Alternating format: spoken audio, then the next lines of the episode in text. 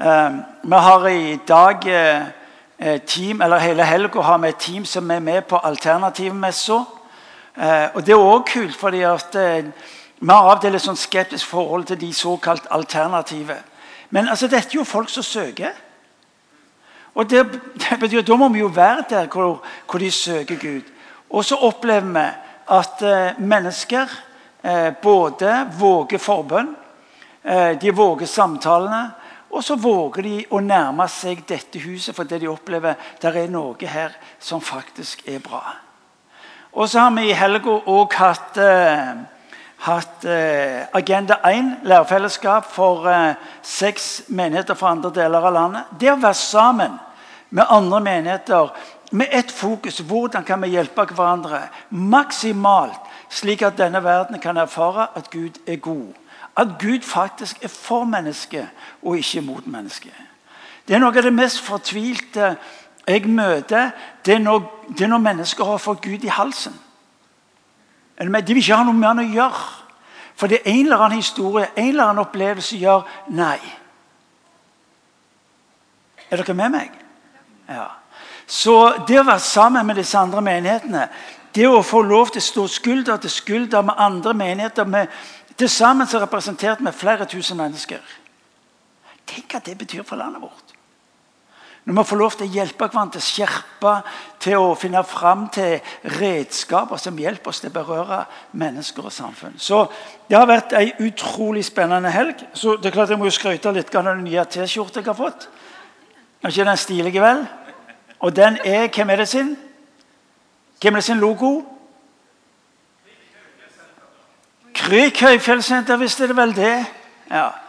Hermed kommer kveldens eh, uoppfordra anbefaling. Hva sa du? Det er allerede sent på dagen.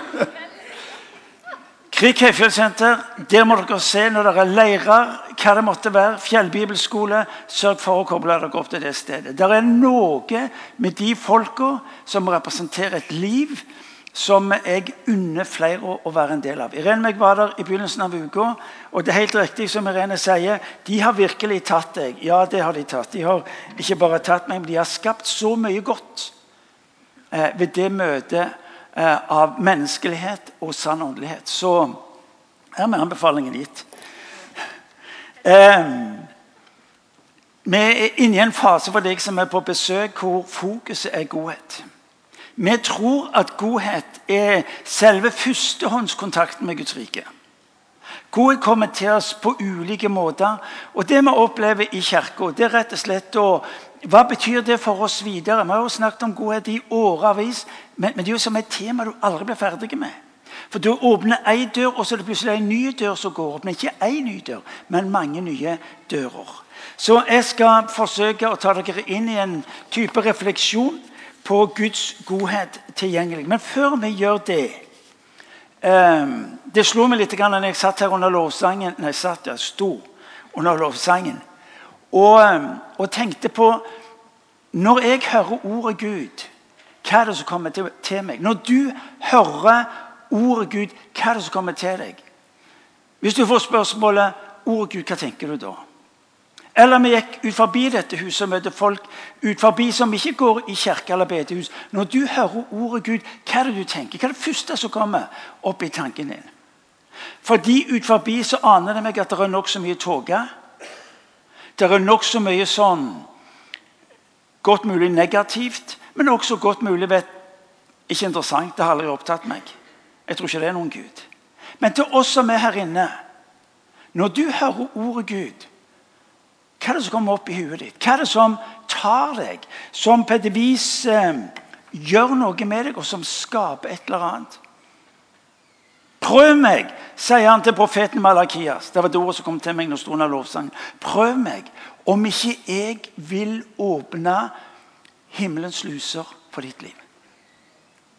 Når du sto opp i dag tidlig, tenkte på dagen, det som ligger foran deg, hva det enn måtte være, og så er Gud der og så sier han 'Jeg vil være Gud i ditt liv'. Hva er det du tenker?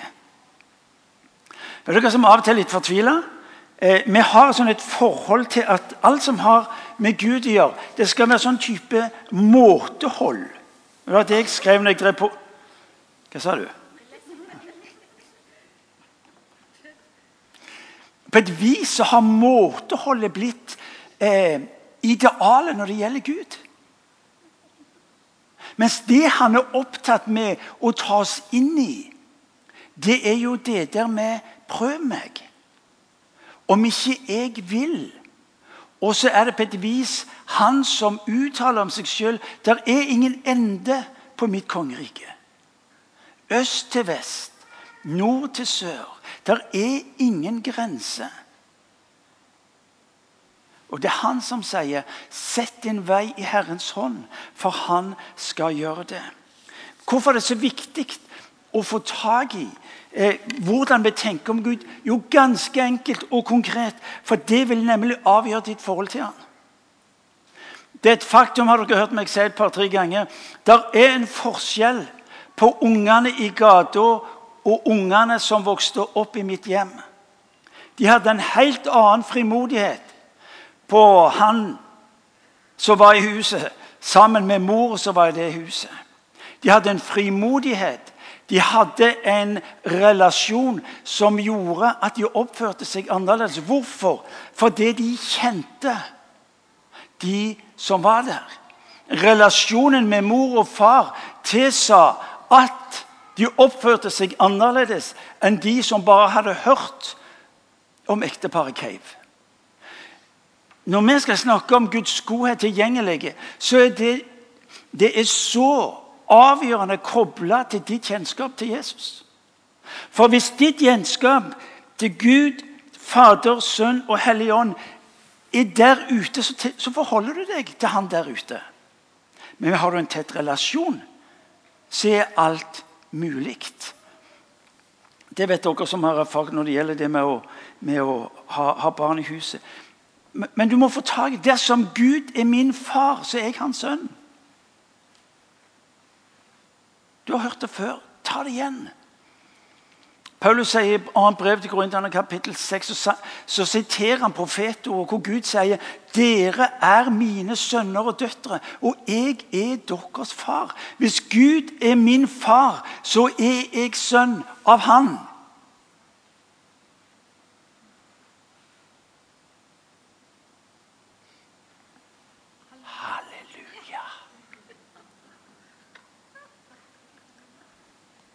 Er du ikke enig, i Janne? Jo, her burde ha sagt vet du hva, Det er Guds menighet å si halleluja. Det er til og med, til, til og med tillatt å, å uttrykke en begrensa entusiasme. Amen.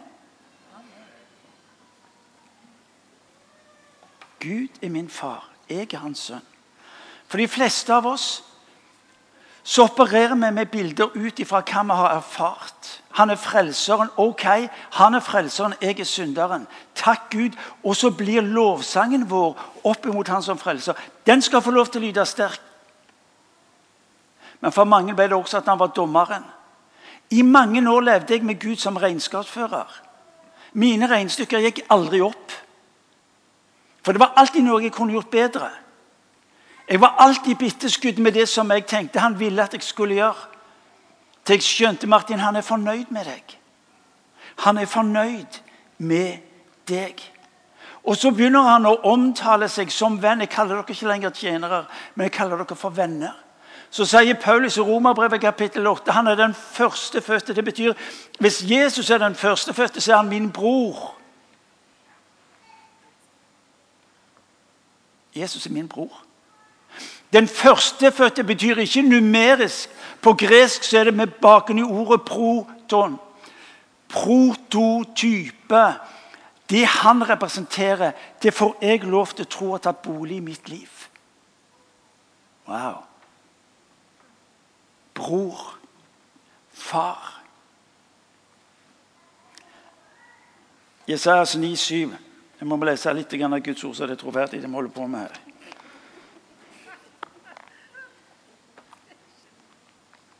Hva står det i Jesajas 9,7? Ja, der, Ann Inge. Vær barnepastor, så må jeg si du har oversikt. Hva står der? Han har fått navnet underfull rådgiver, veldig Gud, evig far, fredsfyrste. Det ønsker han å være i ditt liv. Det er ikke sånn en kirkas programerklæring som vi minnes hver jul når vi skal minnes det barnet.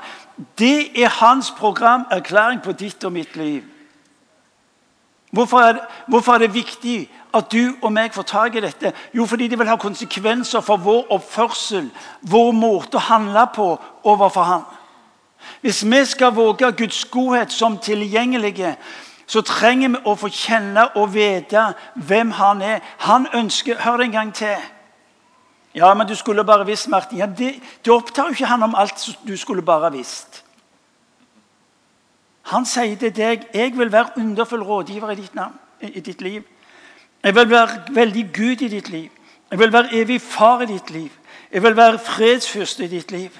Og herrevelde, som er stort og som er uten ende, det vil jeg være, skal være til stede i ditt liv. Yes. Ja. mer stødig. Gudsbildet som du og meg har forma ut fra tradisjonen, erfaringene. Slik er Gud. Han er ikke det. Han er ikke det. Det ville vært dypt tragisk hvis det bildet som mine to jenter hadde av meg som syvåring, fremdeles var det bildet de hadde i dag. Det ville vært dypt tragisk. Men det er mange som bærer det bildet ut fra erfaringer som de gjorde en gang i sitt liv. Så det er det de legger foran seg. og Slik er Gud. Og så blir Gud noe som på et vis skal passe inn i et eller annet som jeg kjenner på er livet mitt. Og Så defineres livet vårt ut ifra Gud som er putta inn i den firkanten, og så, og så kontrollerer jeg det. Og så definerer vi livet vårt ut ifra den erfaringen og de erfaringene. Det har vokst fram en bønn i meg i stadig sterkere grad den senere tid. Og det er Gud spar meg. Jeg vil ikke se deg, Jesus, som jeg ser deg. Men la meg få lov til å se deg som du ser deg. Mitt blikk, min måte å se på, farges så lett av livet mitt, omstendighetene, det som skjer. Og så blir på et vis Gud et produkt av hvem, hvem jeg syns å se han er eller burde være. Og For tida er bønnen min Jesus vil du hjelpe meg til å ikke se deg som jeg ser deg, men se deg som du ser deg. Og jeg gir han den plass han skal ha i mitt liv. Hva sier Guds ord om, om denne Jesus? Hva er Bibelens erfaringer om denne Jesus? La meg få lov til å være der. Vi snakker om et mindset. Skal du og meg våge Guds godhet, skal du og meg våge å være der, så er det snakk om et mindset, en måte å tenke på, en måte å forholde seg til hvem han er. For som du ser, vet du hva, vil du handle. Som du tenker i ditt hjerte, sier Guds ord, slik er du. Matteus 7, 11, hvor han forteller disiplene sine når det er snakk om å be, og dere skal få, så sier han når dere som onde vet å gi barna deres gode gaver, hvor mye mer vil ikke jeg? Vet du hva Gjennombruddet i ditt og mitt liv vet du hva det er? Det å våge å tenke som Gud tenker. Det å våge å la hans måte å se på bli din måte å se og handle på. Når Jesus skal sette navn på hvem han er, så siterer, så siterer vi fra Johannes evangeliet kapittel 5, vers 19. Johannes evangeliet kapittel 5, vers 19. Der sier Jesus i møte med en del kritikere så sier han Sønnen kan ikke gjøre noe av seg selv, men bare det han ser sin far gjør. Det far gjør, det gjør også sønnen. For far elsker sønnen og viser ham alt det han selv gjør. Jesus velger en underlig posisjon hvor han sier vet du hva, det jeg gjør, det jeg velger å forholde meg til Gud Fader, som Gud Fader sier seg sjøl å være. Jeg ønsker, sier Jesus, å gjøre én ting. Det er å gjøre det jeg ser far gjøre. Det er en relasjon her som Jesus forholder seg til, og som du og meg tas inn i. Jeg går ned på å si Guds godhet tilgjengelige. Det er litt, Poenget er riktig. Jeg har vært med å formulere det. Men det er egentlig litt feil. Spørsmålet er du tilgjengelig, for Gud er nemlig tilgjengelig alltid. Det er nesten som man skulle tro at Gud hadde sånn åpningstider. Guds godhet er tilgjengelige alltid. Gud er god alltid. Skjønner jeg alt han gjør? Nei. Jeg er enig med han i alt han gjør? Nei. Men om seg sjøl sier han alltid. Guds godhet tilgjengelig alltid.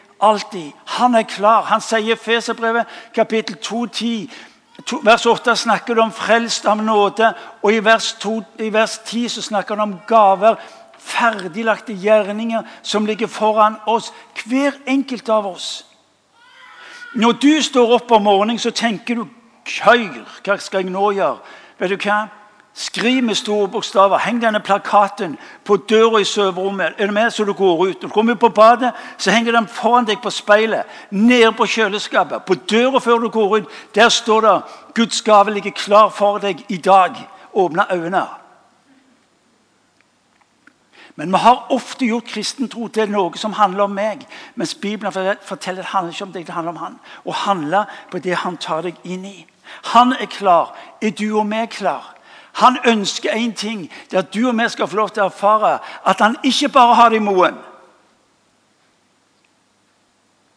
Men når han dør på korset, så er det for å ta deg inn i sin virkelighet. Altfor ofte så tror vi at Gud bare skriver. Han handler òg.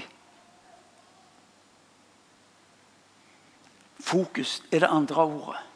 Det ene er måten vi tenker på. For måten jeg tenker om Gud på, min relasjon som jeg har med Jesus på, den har konsekvenser for hvordan jeg forholder meg til ham. Det du ser etter, det vil du få øye på. Når Jesus sier 'én ting gjør jeg', det jeg ser, og det jeg ser, det gjør jeg. Det virker som om Jesus styres av et fokus som, eh, som er slik at han, han, han er opptatt med én ting, og det å handle Samhandling heter det i fotball. Ikke det det kalles for? Og en eller annen trønder som sa noe sånt.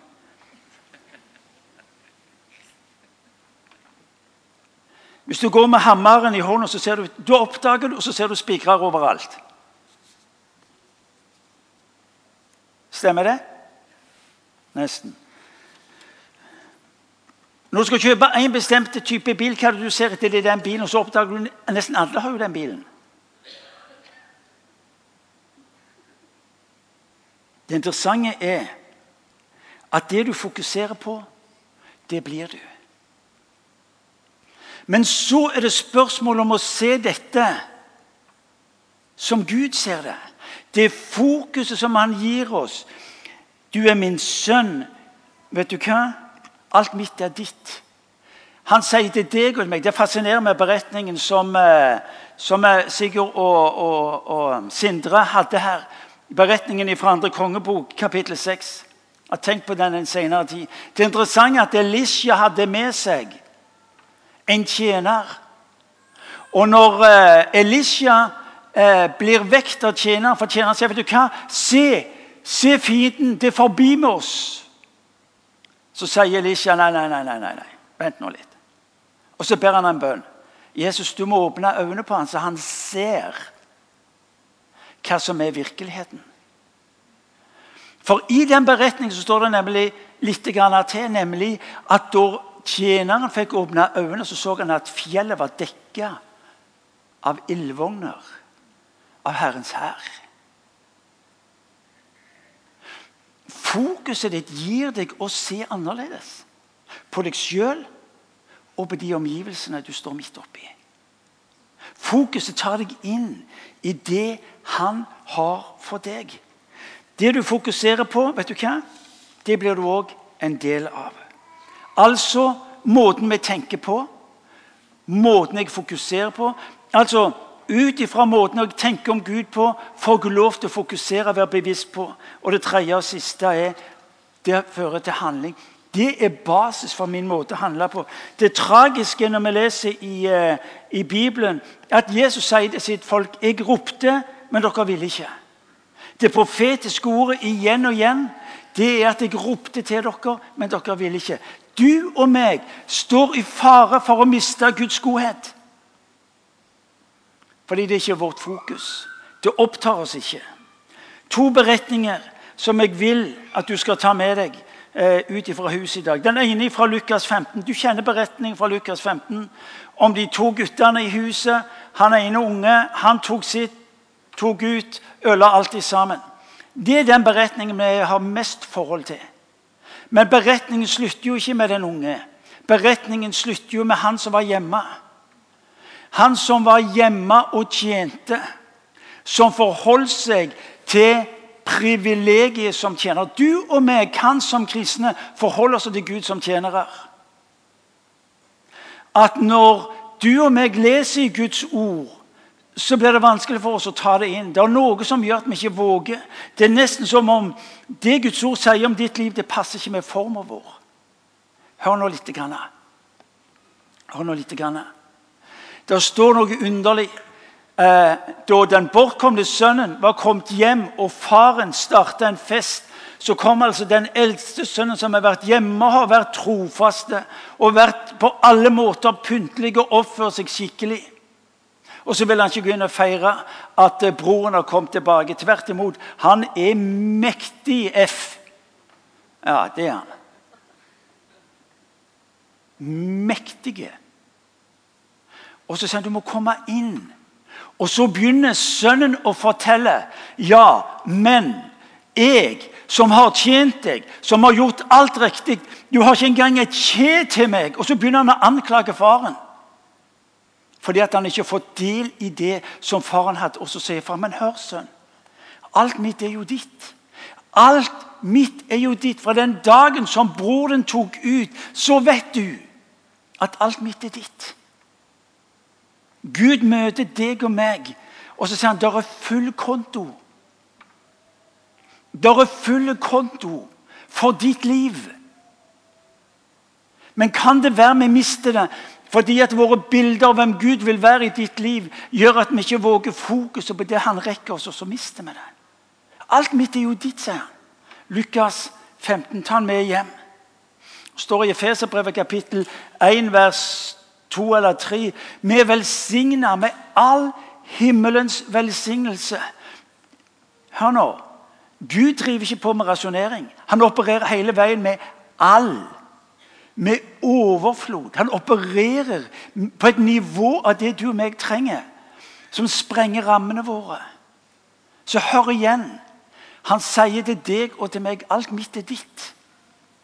Når du og meg står der i, og leser om brødunderet i Matteus evangeliet, kapittel 14, vers 14 Dere husker brødunderet. Det er 5000 menn, kvinner og barn. De er sultne, det er behov og Jesus slår til og så sier han, dere gi dem å spise. Og så sier disiplene men vi, du òg kan regne, kan du ikke det? Vi har litt penger, men det holder ikke til så mange. Og Jesus sier til gi dem å spise. Men han sier kom til meg med det først, jeg kan få lov til å velsigne det. Og så gir han det ut. Hva er det han gjør for noe? Han tar disse små brødene.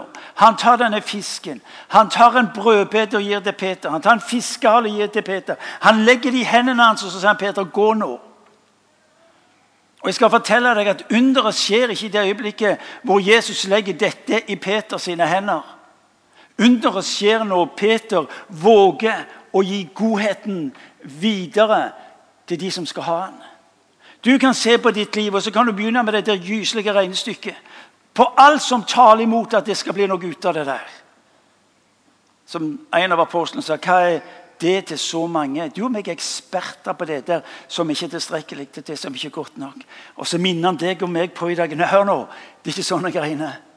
Alt mitt er ditt. Det du syns å være lite og ubetydelig, vet du hva? det legger jeg i dine hender. Og det er tilstrekkelig for alle behov. Matteus 7,11. Når dere som er onde vet å gi, hvor mye mer vil ikke jeg? Vet du hva? Gud har ett ønske. det er at hans godhet skal være tilgjengelige for alle mennesker. Vi har en drøm i dette huset for deg som er på besøk. Det er at Når folk i byen vår kjenner vet du hva, det, tingene går ikke i hop, livet er vanskelig osv. Vi må gå til Imi, eller den kirka som det vil være naturlig til. Men vi, for oss, vi må gå til Imi. Fordi at de, de, kan møte oss med det som er behovet. Ja, er vi der nå? Nei, vi er ikke der nå. Men hvis du spør hva vi drømmer om, så er det det vi drømmer om. Å få lov til å være en kirke hvor Guds godhet er tilgjengelig. Alltid. Guds godhet er tilgjengelig for oss. Og så er spørsmålet for deg og meg er du og meg villige eh, tilgjengelige for å motta den. Inputen er avgjørende for outputen, sier Elling. Jesus sier at han gjør bare det som han ser faren vise han. Men ved at han sjøl er tilgjengelig for Guds godhet, så blir den samme godheten tilgjengelig ved han. Dere har hørt meg si det mange ganger. Mennesker har ikke sagt nei til Jesus. De vet bare hvordan han ser ut. Den godheten som du mottar for ditt liv, det er den du skal få lov til å gi videre. Det var det Jesus gjorde. Jeg sier han, gjør ikke noe annet enn å ta imot, og så gir jeg videre. Og det er det du og meg også er kalt til. Er fravær av godhet en konsekvens? Er fravær av godhet folkens, en konsekvens at vi ikke er tilgjengelige for hans godhet? Salme 23, salvemetode, begeret renner over. Der er snakk om overflod. Det er klart jeg må ha et eller annet å utfordres på. Mitt beger flyter over. Når du er meg, når du og meg Du er ikke meg, men når du og meg er sammen innenfor Gud, så har han et ønske vet du hva det er? Det er å fylle opp begeret ditt. Det er å fylle opp begeret ditt. Og Du kan si at det kunne sett bedre ut, det var så mye det kunne sett annerledes Men spørsmålet er hva er det du setter fram så han kan fylle opp. Og det du setter foran ham, vet du hva? det fyller han opp. Så hvis du er fornøyd med at han skal fylle opp det som du trenger for ditt liv, ja, så gjør han det. Men du er ikke kalt til kun å fylle opp for ditt eget liv. Så mange av oss står i fare og sier Gud, du ser hva jeg trenger. Og så blir livet mitt at ja, nå har jeg det jeg trenger, og så, og så fyller vi det opp. Mens det som jo egentlig var poenget, du skulle holde det begeret der så lenge at det ble fullt. Og når det ble fullt, hva skjer da? Da renner det over. Overflod betyr at det renner over.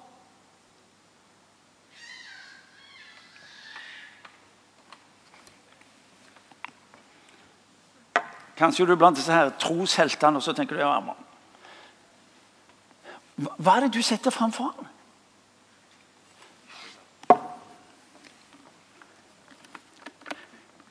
Vet du hva? Han sier at 'prøv meg, om ikke jeg vil'. Og hvis du våger å være i hans nærvær og la han følge opp, hva som skjer? Du blir fulgt opp. Men så renner det over. Når du våger være lenge nok, så renner det over. Og så vil omgivelsen begynne å merke, og det vil si Gud er på dette sted fordi du er på dette sted. Hva er det du setter fram foran ham? La meg bruke et gyselig banalt bilde. Vi kunne ikke la være. Hvis du tror at det er rasjonering i Guds rike, så tar du feil. Hvis du tror at hvis du er ekstra frimodig, så får ikke de andre det feil. Følg meg.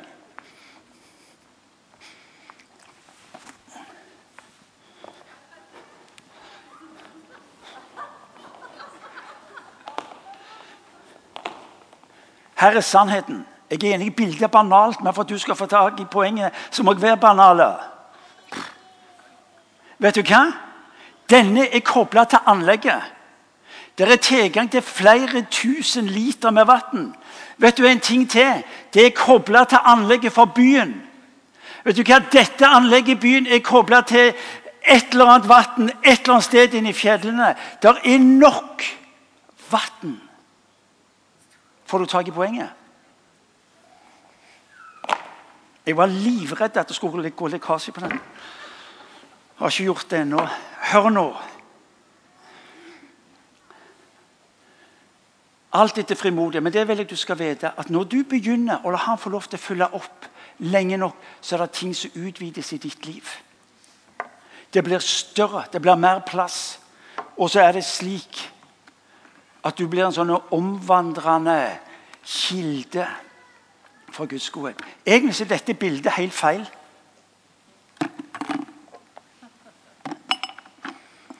Fordi Skriften forteller i Johannes evangeliet kapittel 7, vers 37 For fra hans liv skal det renne strømmer av levende vann. Du har det.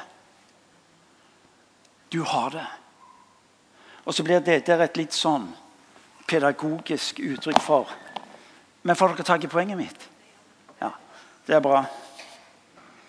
Hvordan kan det se ut i vår hverdag? Du er kalt til å være en bærer av Guds godhet. Der du er, sammen med de du er, naboer, laget, jobb, skole. Tilgjengelighet den fører til relasjon med andre, aktivt oppsøkende. En god venn av meg sa det slik, eh, som levde sterkt i det profetiske. så sier hvordan, hvordan klarer du å leve i dette? Så hver morgen sier vedkommende, så spør jeg Jesus Jesus, hvem er det jeg kan få lov til å tale inn i livet til i dag. Dette skal være arbeidsoppgaven for deg denne uka. Hvem er det jeg, Jesus, kan få lov til å demonstrere Guds godhet for i dag? Skriv det på i Bibelen, i dagboka di, eller hvor du måtte skrive det. Still spørsmål. Jesus, hvem er det jeg kan få lov til i dag å berøre med din godhet? Og Dramastykket som vi så, som en sterk demonstrasjon om hva godhet skaper, skal for deg og meg lov til, å være en invitasjon eh, av godhet, for, hvordan godhet forvandler. Små ting gjort i kjærlighet forvandler eh, denne verden, han har hørt. Kan jeg få lov til å be dere om å reise dere, så vil jeg be en bønn.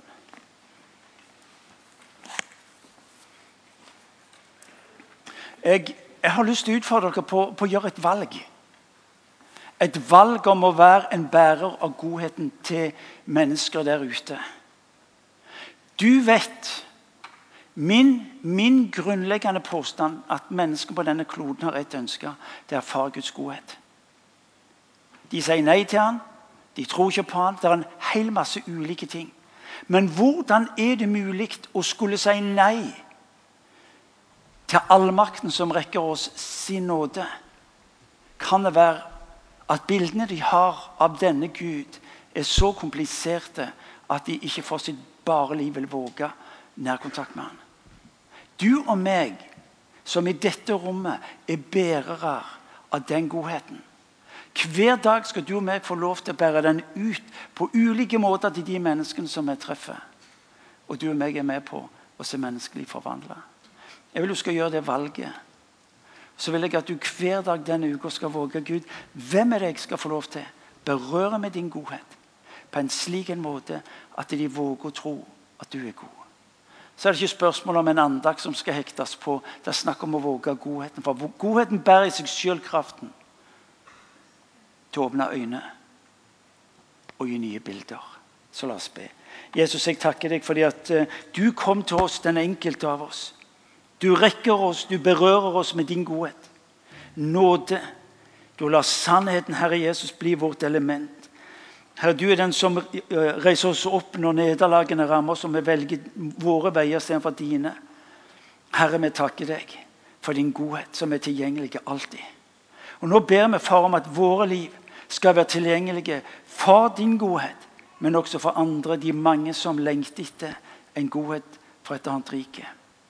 Herre, vi ber om å få se et gjennombrudd Herre, i våre liv, for oss som er i denne kirka, og alle som bekjenner troen på deg. Herre, vi ber om å få se en godhetsvekkelse som av en slik en karakter at ved disse gjerninger får de øye på deg og våger å tro på deg. Herre Hellige Ånd, du som er godhetens ånd. Jeg ber at du skal bokstavelig talt forløse i våre liv nytt mot, eh, ny villighet, Herre, til å våge å ta ett steg, to steg, de mange steg mot de menneskene som er rundt oss.